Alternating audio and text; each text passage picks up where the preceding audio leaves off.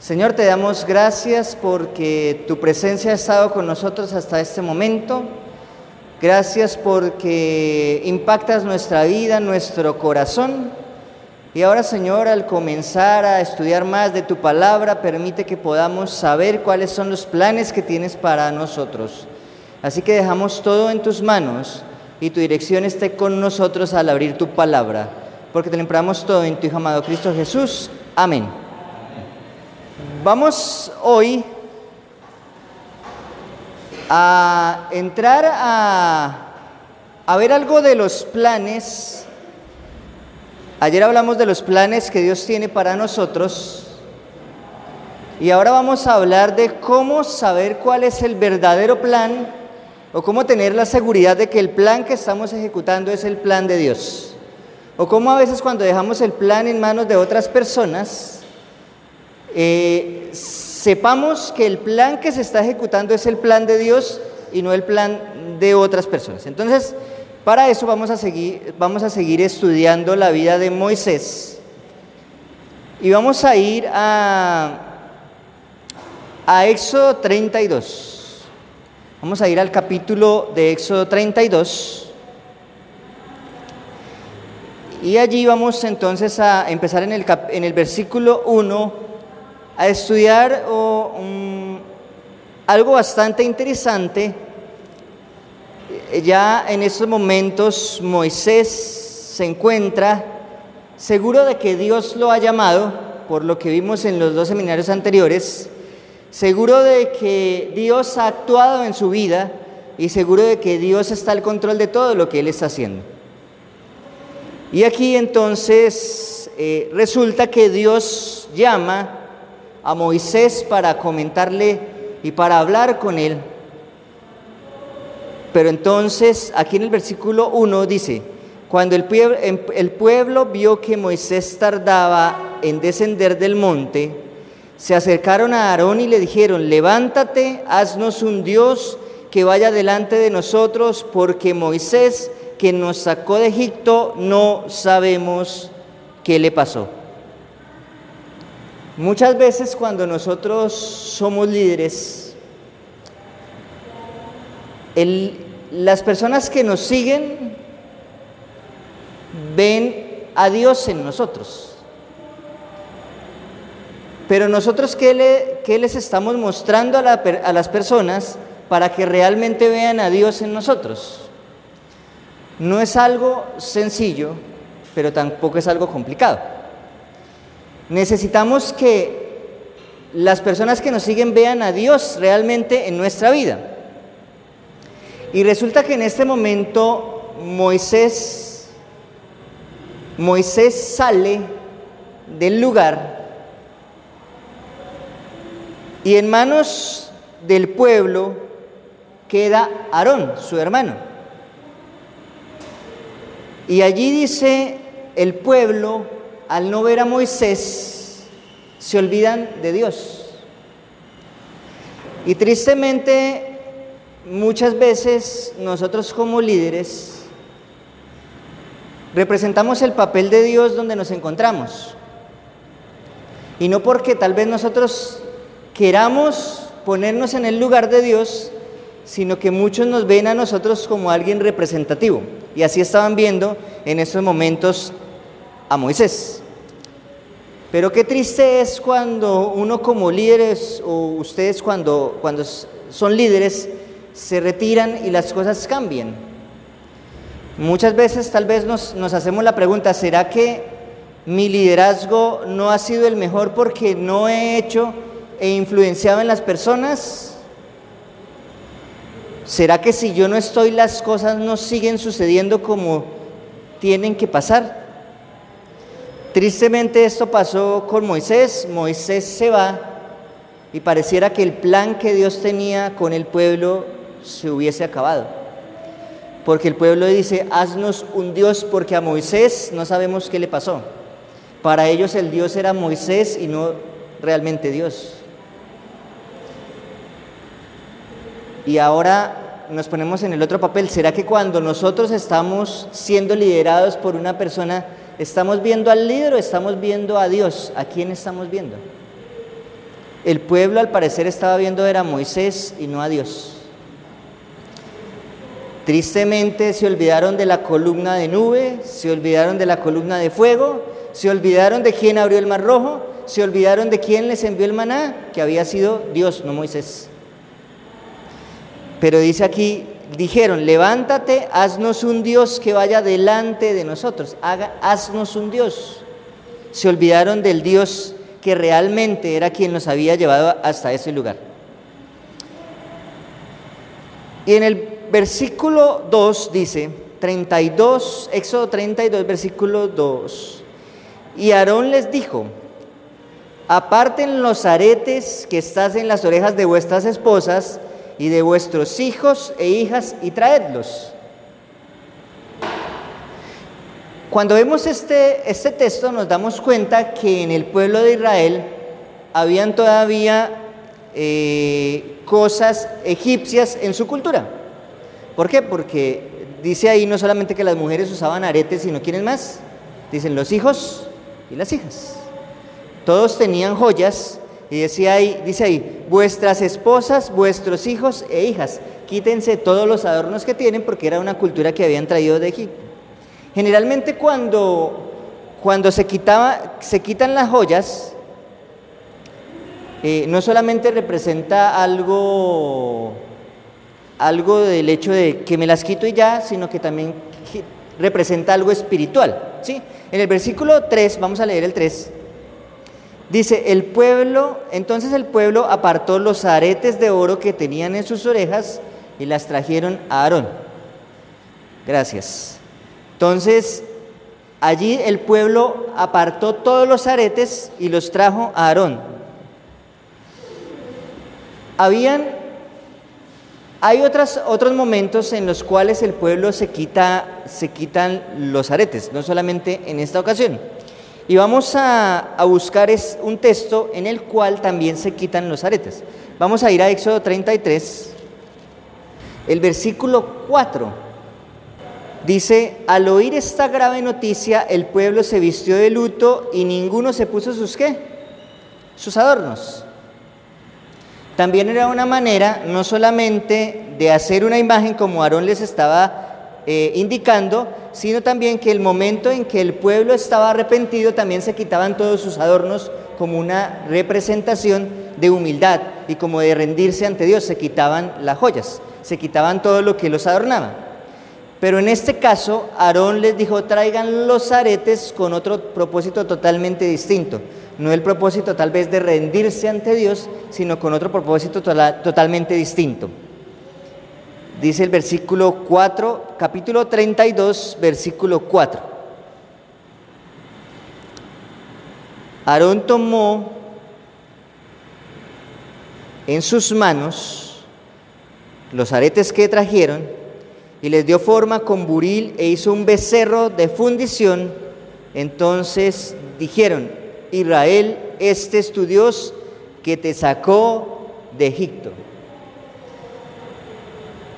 ¿Dónde estaba el plan que Dios tenía con Moisés? ¿Dónde había quedado? El plan que hablamos los seminarios anteriores, un plan que hasta Dios mismo tuvo que rogarle a Moisés que cumpliera ese plan. Pero resulta que este plan estaba siendo destruido por quién? por su propio hermano, por Aarón. Estaba haciendo que el plan que Dios tenía para su pueblo fuera totalmente destruido. Y Aarón, el que lo acompañó, el que estuvo con Moisés siempre, el que vio todo lo que Dios hizo, ahora estaba haciendo qué? Un becerro de oro, diciendo que ese era el Dios que, nos, que los había sacado de Egipto.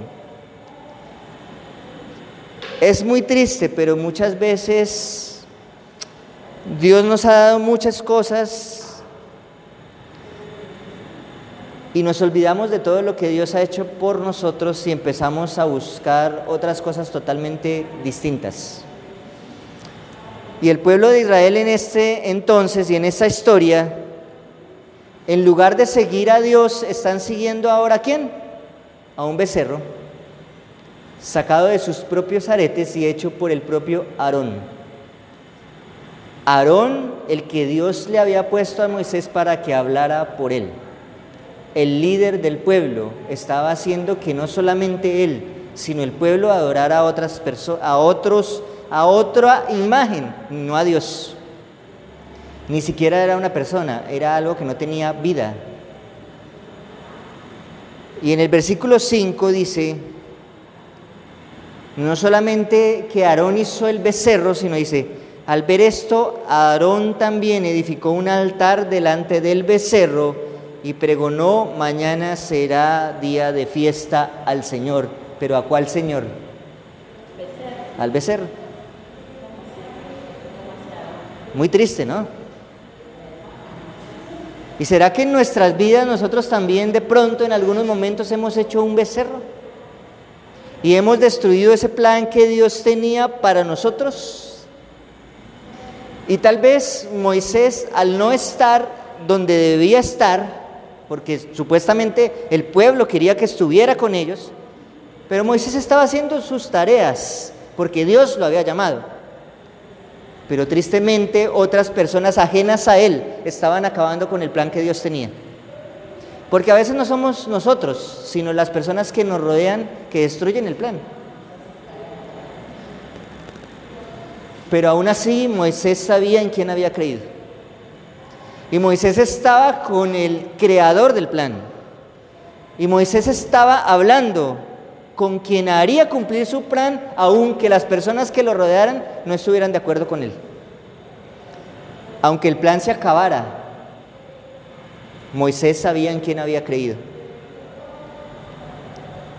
Y dice el versículo 6, que al día siguiente madrugaron y ofrecieron holocausto y ofrendas de paz, y el pueblo se sentó a comer, a beber, y después se levantó a divertirse.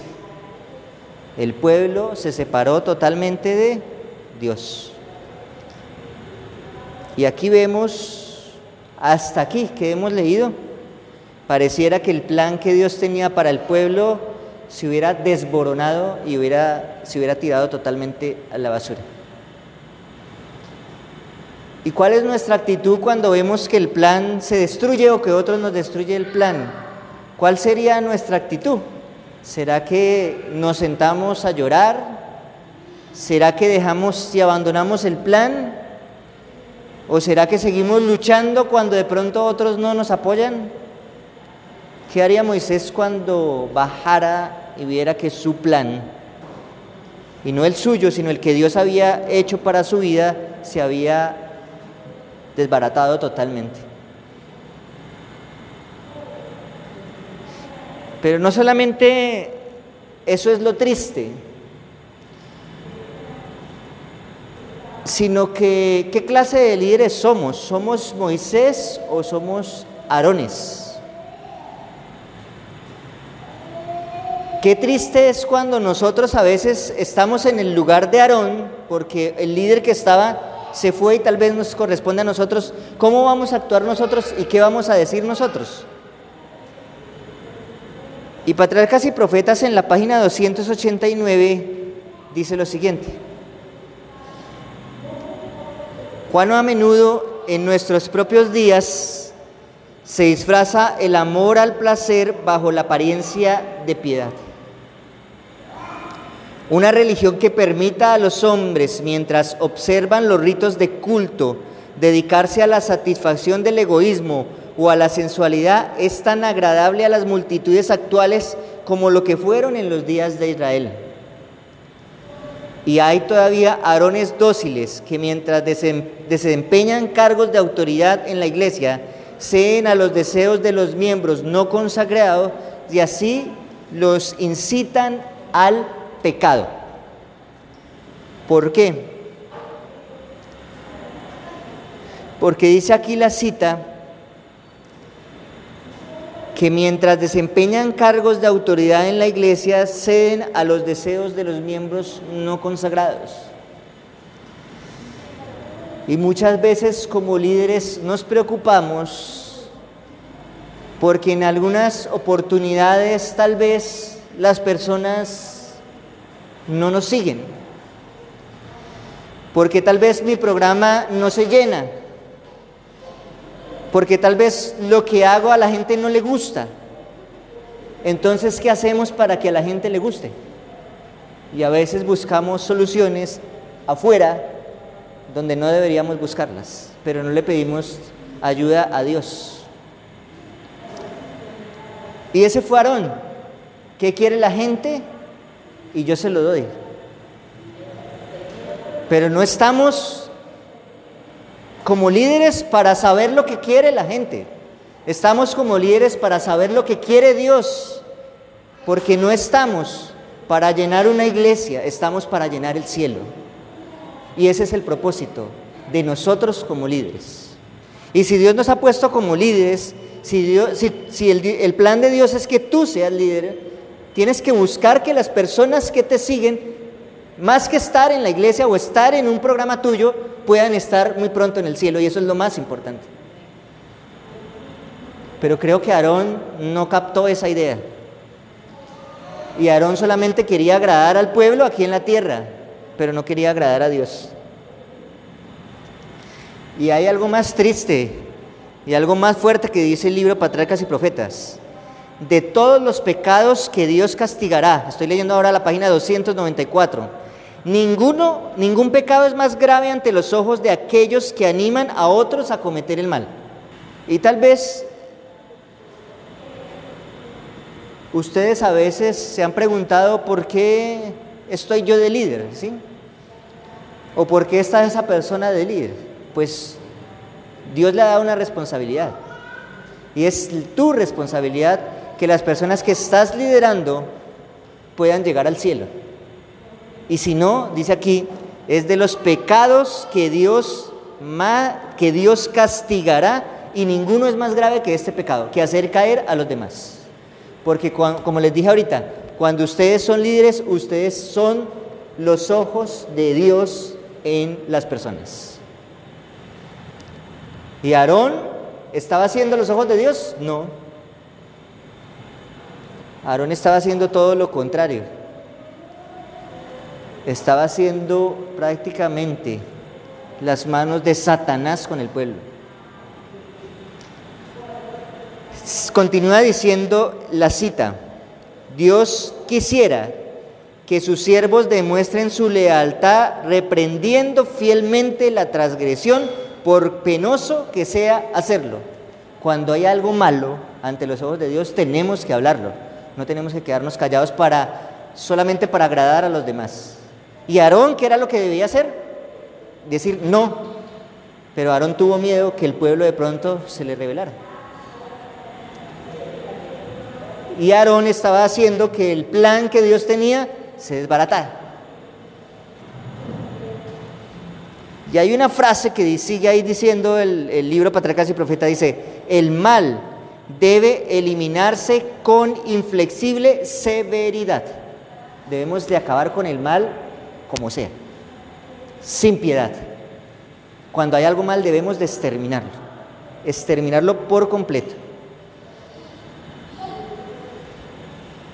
¿Dónde estaba Moisés? Estaba hablando con Dios. Pero no se quedó todo el tiempo hablando con Dios. Ahora Moisés termina de hablar con Dios y viene bajando. ¿Y con qué se va a encontrar? con que, con que el plan que Dios tenía estaba siendo totalmente desbaratado. Vamos al versículo 15 del capítulo 32. Dice, volvió Moisés y descendió del monte trayendo en sus manos las dos tablas del testimonio, las tablas escritas de lado y lado, una y otra cara. ¿Qué traía Moisés en sus manos? Nada más que una escultura hecha por quién? Por Dios. Traía en sus manos Moisés unas piedras escritas con, la, con el dedo de Dios. ¿Cuánto valdría hoy en día una tabla de esas? Creo que valdría más que cualquier pintura que ustedes puedan imaginar. Moisés no traía en sus manos cualquier cosa. Moisés traía en sus manos las tablas escritas por Dios. Dice, por lado y lado. ¿Les gustaría a ustedes tener esas tablas en, en su casa? ¿Qué más quisiéramos tener las tablas en nuestra casa? Moisés nos traía en sus manos nada más ni nada menos que una escultura hecha por el propio Dios. Pero qué sorpresa se iba a llevar cuando llegara. Dice el versículo 16, las tablas eran la obra de Dios y la escritura era escritura de Dios grabada sobre las tablas. Era la letra de Dios, era prácticamente una tabla autografiada por el dedo de Dios. No era cualquier tabla, no era cualquier escultura. ¿Cuidarían ustedes esas tablas? Si las tuvieran en sus manos, ¿las cuidarían? Sí, si tuvieran las tablas de la ley que Dios escribió, ¿las cuidarían? Sería una reliquia, o sea, creo que haríamos todo lo posible para no dañarlas. Y tal vez para poder que otros vieran lo que tengo en mi casa. Invitaría a todos, vengan, vean mis tablas, sí. Tal vez cobraría la entrada para que vieran las tablas. Pero ¿qué hizo Moisés con las tablas? Dice el versículo 19. Cuando Moisés llegó al campamento y vio el becerro y las danzas, se llenó de ira y arrojó las tablas de sus manos y las quebró al pie del monte. ¿Qué hizo Moisés? Dañó la escultura que Dios había hecho. Yo no diría, qué geniecito el de Moisés, ¿no? Qué genio. Pero ¿qué había hecho el pueblo y qué había hecho Aarón? Estaban, habían acabado con el plan que Dios tenía. Habían acabado los sueños de Moisés al ver, al ver Moisés a todo el pueblo en la Canaán. Moisés dice, se llenó de ira y, tiró las tablas al piso. Yo no diría, pero ese es, ese es un líder que necesitamos, un líder que le da, le da, o sea, se pone de mal genio y bota y rompe todo. Ese es el líder que necesitamos. ¿Por qué Moisés tiró las tablas? Y dice, se llenó de ira, pero ¿por qué se llena de ira si es un líder que sigue a Dios. ¿Por qué?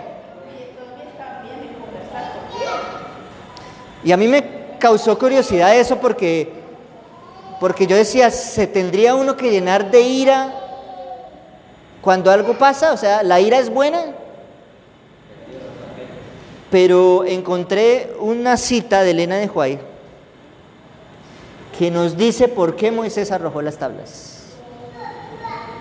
Y es que cuando ustedes ven que han destruido algo con lo cual han soñado, pues ustedes, o sea, si no les da mal genio, les da tristeza. Y si no tiran las cosas, por lo menos lloran o hacen algo, ¿sí? Pero mire lo que dice este texto. Elena de Juárez un escrito de mayo 5 de 1880. Dice, con profundo desánimo e ira, debido al gran pecado de ellos, Moisés arrojó al suelo las tablas de piedra, no porque no por él, sino por orden divina, con el propósito de romperlas a la vista del pueblo, mostrando así que éste había quebrantado el, el pacto tan reciente hecho con Dios. Prácticamente Dios le dijo a Moisés, arroje eso, porque ya no quiero nada con ese pueblo. No fue Moisés, fue el mismo Dios. Pero la tristeza que debió haber sentido Moisés al ver al pueblo haciendo eso, yo creo que acabó con todos los planes que tenía Moisés. Qué triste cuando no es por nosotros, sino por los demás, que el plan se acaba. Pero la pregunta ahora es, ¿cómo actuar como Moisés cuando los planes se acaban. ¿Y cómo saber en qué momento debemos tirar las tablas? ¿En qué momento podemos tener ira? ¿En qué momento podemos estar alegres? ¿En qué momento podemos estar tristes? ¿Cómo saberlo? ¿Cómo saber que el plan se sigue ejecutando a pesar de las cosas? Y miren lo que hace Moisés en el versículo 21. Le dice, dice acá el versículo 21, estamos leyendo Éxodo 32, vamos al versículo 21. Entonces dice, dijo Moisés a Aarón, ¿qué te ha hecho este pueblo que has traído sobre él tan grande pecado? ¿A quién está reclamando Moisés? Aarón. Porque no le está reclamando al pueblo, le está reclamando a Aarón, porque Aarón fue el culpable de que el pueblo estuviera donde está.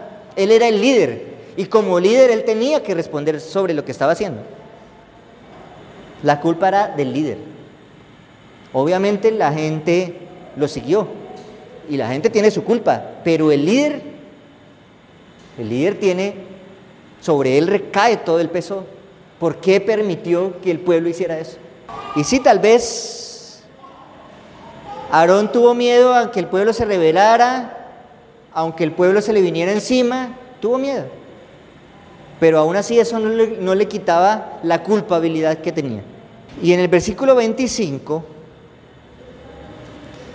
dice, al ver Moisés que el pueblo estaba desenfrenado porque Aarón lo había permitido, para vergüenza de sus enemigos, nuevamente dice, fue que lo permitió Aarón, no fue el pueblo. Moisés se puso a la entrada del campamento y preguntó, ¿quién está por el Señor? Júntese conmigo. Y se juntaron con él todos los hijos de Leví. Y él les dijo, así dice el Señor Dios de Israel, ciñase cada uno su espada, pasad, repasad de puerta en puerta por el campamento y cada uno mate a su hermano, a su amigo y a su pariente. Y en las tablas de la ley decía que no matarás. Y ahora Moisés dice, maten a los... Y también nos preguntamos, bueno, primero Moisés se pone bravo, ya descubrimos por qué, no fue por él, sino porque Dios le dijo que tirara las tablas por la tristeza de ver al pueblo. Y ahora le dice, ahora dice Moisés, maten a todos los que están en contra. Y en las propias tablas de la ley decía, no matarás. ¿Cómo nosotros defendemos eso? ¿Cómo nosotros decimos, ¿por qué la ley dice no matarás? Y aquí Moisés está diciendo, maten a todos los demás. ¿Cómo sabemos en qué momento podemos sentir ira y en qué momento no? ¿Cómo sabemos cuando estamos ejecutando nuestro plan de vida o nuestro proyecto, cómo es que debemos actuar? Y en Patriarcas y Profetas vemos algo lindo también, mm, página 295, dice lo siguiente, los hombres deben precaverse de cómo en su ceguedad humana juzgan y condenan a sus semejantes, ¿sí? Porque no estamos para juzgar, ni para condenar, ni para criticar. Pero cuando Dios ordena ejecutar una sentencia sobre la iniquidad, ¿deben qué? Obedecer. Moisés no estaba haciendo eso porque él quería, sino porque Dios también se lo había dicho. Y si Dios dijo no matarás, Él es el único que puede decir ahora sí maten. No, no yo, Dios. Por eso aquí dice, los hombres deben tener cuidado en no herir a los demás con sus palabras o juzgar. Pero cuando Dios les dice hagan algo, pues hay que hacerlo. Y sigue diciendo el texto. Por obra de la misericordia de Dios sufrieron miles de personas para evitar la necesidad de castigar a millones. Para salvar a muchos había que castigar a pocos. Y muchas veces, dice el versículo 28, y los levitas hicieron conforme al dicho de Moisés y en aquel día cayeron del pueblo como tres mil hombres, murieron tres mil. Pero dice el texto para salvar a muchos había que castigar a pocos. Y Dios ejecuta esa sentencia porque si no hubieran muerto esos tres mil, tal vez más adelante hubieran muerto muchos más. Porque aún a pesar de que el pueblo era rebelde, Dios lo seguía mandando. Porque como dijimos en los seminarios anteriores, aún que uno no quiera y dañe el plan de Dios, Dios tacha y busca otra manera de buscarte de alguna forma y de hacer que el plan se ejecute en tu vida y de que tú ejecutes el plan que Dios quiere. Y tú te lo cambias, te lo cambias, te equivocas, Dios vuelve y te cambia el plan, te busca otra manera, te hace el plan A, el plan B, el plan X, Z, Y, Z, se inventa cualquier plan para que tú vuelvas a Él. Pero a veces tú vuelves y le dañas el plan a Dios. Pero Dios vuelve y te busca. Y el pueblo dañó el plan. Aarón dañó el plan, pero Dios volvió y buscó. Tuvieron que volver, morir tres mil. Pero Dios dijo, es mejor que mueran tres mil y no que muera todo el pueblo. Por esos tres mil que pueden dañar al pueblo. Y por eso mueren tres mil. No porque Dios quiera que mueran, sino porque Dios quiere salvar a su pueblo. Y en este versículo vemos cómo Moisés refleja el carácter de Cristo. Ya Moisés era una persona que tenía a Dios en su corazón. Versículo 32. Capítulo 32, versículo 32. Te ruego que perdones su pecado, está rogando Moisés. Y si no, ráeme ahora del libro que has escrito. ¿Qué estaba pidiendo Moisés? Estaba pidiendo algo peor que la muerte. Estaba pidiendo que fuera raído del libro de la vida. Y eso es peor que morir. Porque si uno muere tiene la esperanza de resucitar, pero ser borrado del libro de la vida ya no es nada, no tiene esperanza de nada. Y Moisés está allí rogándole a Dios, Señor, perdónalos, o si no, ráeme a mí del libro de la vida, pero a ellos perdónelos. Pero Dios le dice, no, solamente al que peque, a ese raeré del libro de la vida. Finalmente, Aarón siente y Aarón se da cuenta lo que hizo. Y Aarón se arrepiente. Y Aarón llegó a ser el sumo sacerdote de quién? Del pueblo de Israel. Después de haber sido el que el que hizo que tres mil murieran, ahora es el sumo sacerdote. Dios es un Dios de oportunidades. Dios es un Dios en el que busca una y otra vez que tú vuelvas a Él y que tú ejecutes el plan que Dios quiere para tu vida. Y no se cansará de buscarte una y mil veces. Nunca. Dios nunca se cansará. Y quiero que leamos eh, un versículo de Salmos, Salmos 106, Salmos 106, versículo 16. Dice, Salmos 106, 16, después tuvieron envidia de Moisés en el campamento y de Aarón, el santo del Señor. Después de que Aarón hace lo que hace, ahora aquí David lo llama el santo de quién? Del Señor. ¿Es Dios un Dios de oportunidades? Sí. Pero ahora la pregunta es, ¿cómo ser un líder como Moisés? Y cómo tener la habilidad de saber en qué momento debo tal vez airarme en qué momento tal vez tengo que estar triste, en qué momento tal vez tengo que decirle una palabra fuerte a otro y tal vez hasta herirlo, pero ¿por qué tengo que hacerlo? Porque a veces herimos a las personas no porque Dios nos lo haya hecho, sino porque nos gusta herir a las personas. Pero hay, hay ocasiones en las que debemos ser fuertes. Pero ¿cómo saber en qué momento sí y en qué momento no? Moisés sabía cómo.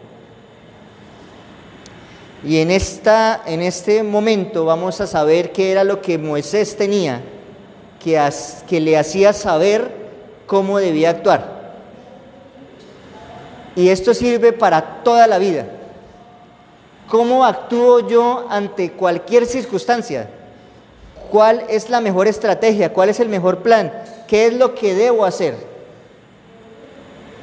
Y voy a pedirles que nos ubiquemos en el libro de Éxodo y vamos a recorrer el libro de Éxodo por varios versículos rápidamente y vamos a darnos cuenta de algo especial que tenía Moisés. Y ahí vamos a saber qué era lo que tenía Moisés que hacía que supiera cómo debía actuar. Y vamos a entrar en un, tal vez en un rally por la Biblia, en el libro de Éxodo. Vamos a ponernos en Éxodo 3, versículo 4 al 5. Y esta es la primera vez que Dios se le aparece a Moisés. Dice, cuando el Señor vio que Moisés se acercaba a mirarlo, llamó desde la zarza, Moisés, Moisés. Y él respondió, aquí estoy. Dios le dijo, no te acerques, quita las sandalias de tus pies porque el lugar que estás, santo es. Allí se le aparece Dios a Moisés. Leamos otro texto, el 7 del mismo capítulo 3. 7. Dice, y el Señor le dijo, Dejemos ahí, vamos al versículo 12. Dice, y Dios le respondió. Vamos ahora al capítulo 4, el versículo 3. Dice, y Dios le dijo. Vamos al versículo 6. Dice, además el Señor le dijo. Capítulo 4, versículo 7. Dice, el Señor le dijo. Capítulo 4, versículo 11. Dice, el Señor le respondió. Capítulo 4, versículo 21. Dice, el Señor dijo a Moisés. ¿Qué notan ustedes de similar en todos los versículos? ¿Qué está diciendo qué? El Señor qué? Dijo a Moisés. Moisés no hacía nada si Dios no se lo decía. Y podemos seguir mirando. Miremos en el capítulo 6 por lo menos, vea. Capítulo 6, versículo 1. El Señor respondió a Moisés. Versículo 2, Dios le dijo a Moisés. Versículo 10, dice, el Señor le dijo a Moisés. Versículo 13, entonces el Señor habló a Moisés. ¿Qué tenía en común Moisés? No hacía nada si el Señor no le decía. Después de que Moisés conoció realmente quién era Dios en su vida, no hacía nada hasta que Dios no le dijera. Tengo aquí aproximadamente, me cansé de buscar unos 30, ¿qué? 46 versículos donde dice, y Dios dijo a Moisés. Solo en Éxodo, no seguí buscando porque dije, son demasiados. Pero ustedes a medida que leen la historia de Moisés se dan cuenta que toda la Biblia está diciendo, y Dios le dijo a Moisés, y Moisés habló con Dios, y Moisés y Dios, y Moisés y Dios, era totalmente una conversación constante de Dios con Moisés. ¿Cuál es la estrategia para saber lo que debemos hacer en nuestros planes? Contar con la dirección de, de Dios, no hay otra manera. Aún más, vamos a Éxodo 24, versículo 18. Éxodo 24, 18. Y Moisés entró en una nube y subió al monte y estuvo con Moisés, con Moisés en el monte 40 días y 40 noches. Se la pasaba hablando todo el tiempo Moisés con Dios y ahora se va a hacer un retiro espiritual de 40 días y 40 noches. ¿Cuál era el éxito de Moisés? Tenía una comunión con Dios todo el tiempo. Y ahora se va a 40 días y 40 noches para estar solo con Dios. Pero eso no es todo. En el capítulo 34 y el versículo 28 dice, y Moisés estuvo con el Señor otros 40 días con sus noches, ahora sin comer ni beber, y el Señor escribió nuevamente en tablas el pacto de los diez mandamientos. Nuevamente va Moisés y está otros 40 días y otros 40 noches y ahora ayunando, dice. ¿Tenía una relación Moisés con Dios? Totalmente. Moisés no hacía otra cosa que lo que Dios le dijera. Ahora nos preguntamos, ¿cuál, cuál es la herramienta para saber cómo debemos actuar en nuestros planes? Si les preguntara, ¿qué me responderían? ¿Cuál es la herramienta para saber qué es lo mejor en mis planes? estar en comunión con Dios para saber qué es lo que Él quiere de mí y para saber cómo es que yo debo actuar. Y ahora les pregunto, ¿cómo estar en comunión con Dios? Porque si hablamos de Moisés, dice que Moisés prácticamente hablaba cara a cara, pero nosotros ahorita no. Y dice, y Dios dijo a Moisés, y qué chévere, sí, Dios dijo a Moisés. Y ahí no dice la Biblia, y Moisés dijo a Dios, todo, casi todo el tiempo es Dios dijo, Dios dijo. Moisés casi nunca hablaba. Ahorita en el siguiente seminario vamos a ver algo de, ahora sí Moisés habla. Pero, ¿cómo es la, una de las únicas maneras como Dios nos habla? ¿Cómo? ¿Cómo escuchamos la voz de Dios? No hay otra manera sino a través de qué? De su palabra. Y si no estamos leyendo la Biblia, ¿cómo vamos a saber qué es lo que Dios sí? La naturaleza, la historia y su palabra. Son tres cosas, ¿sí? Elena de Juárez habla mucho de la naturaleza. Cuando vemos la naturaleza, también es el libro de texto que nos habla de Dios. ¿Por qué Moisés, Moisés, cuando estuvo en el desierto, ¿cómo, cómo Moisés estudiaba la Biblia si Moisés fue el que hizo prácticamente lo primero de la Biblia? ¿sí? Dice que para Elena de White dice que su primer libro de texto fue la naturaleza y en el desierto fue que se encontró con Dios. Ahora nosotros tenemos la naturaleza, aunque el mundo la ha destruido, pero aún queda y tenemos también qué? Su palabra. Pero no solamente eso, tenemos los testimonios de aquellos antepasados, no solamente de la Biblia, sino de nuestros pioneros que han dejado grandes escritos diciendo todo lo grande que han hecho y que Dios ha hecho por ellos, para darnos ejemplo a nosotros. Y busquemos Isaías, Isaías 40, un versículo muy famoso, Isaías 48. La hierba se seca, la flor se cae, pero la palabra de nuestro Dios permanece para siempre. Lo único que no tendrá equivocación, lo único será la palabra de Dios. Mi única recomendación en este seminario es que por nada del mundo dejemos este libro a un lado. De lo contrario, no vamos a saber cuál es el plan de Dios para nuestras vidas. De lo contrario, no vamos a saber cómo actuar en cualquier momento. No solamente en mis planes, sino tal vez para dar un consejo a otro. Primero que la palabra de Dios. Sécase la hierba, la flor se cae, pero la palabra de Dios permanece para siempre. Un libro escrito hace muchísimos años, pero el único libro que tiene la verdad absoluta y donde podemos encontrar cualquier respuesta a cualquier necesidad. Nunca dejemos de un lado escuchar la palabra de Dios.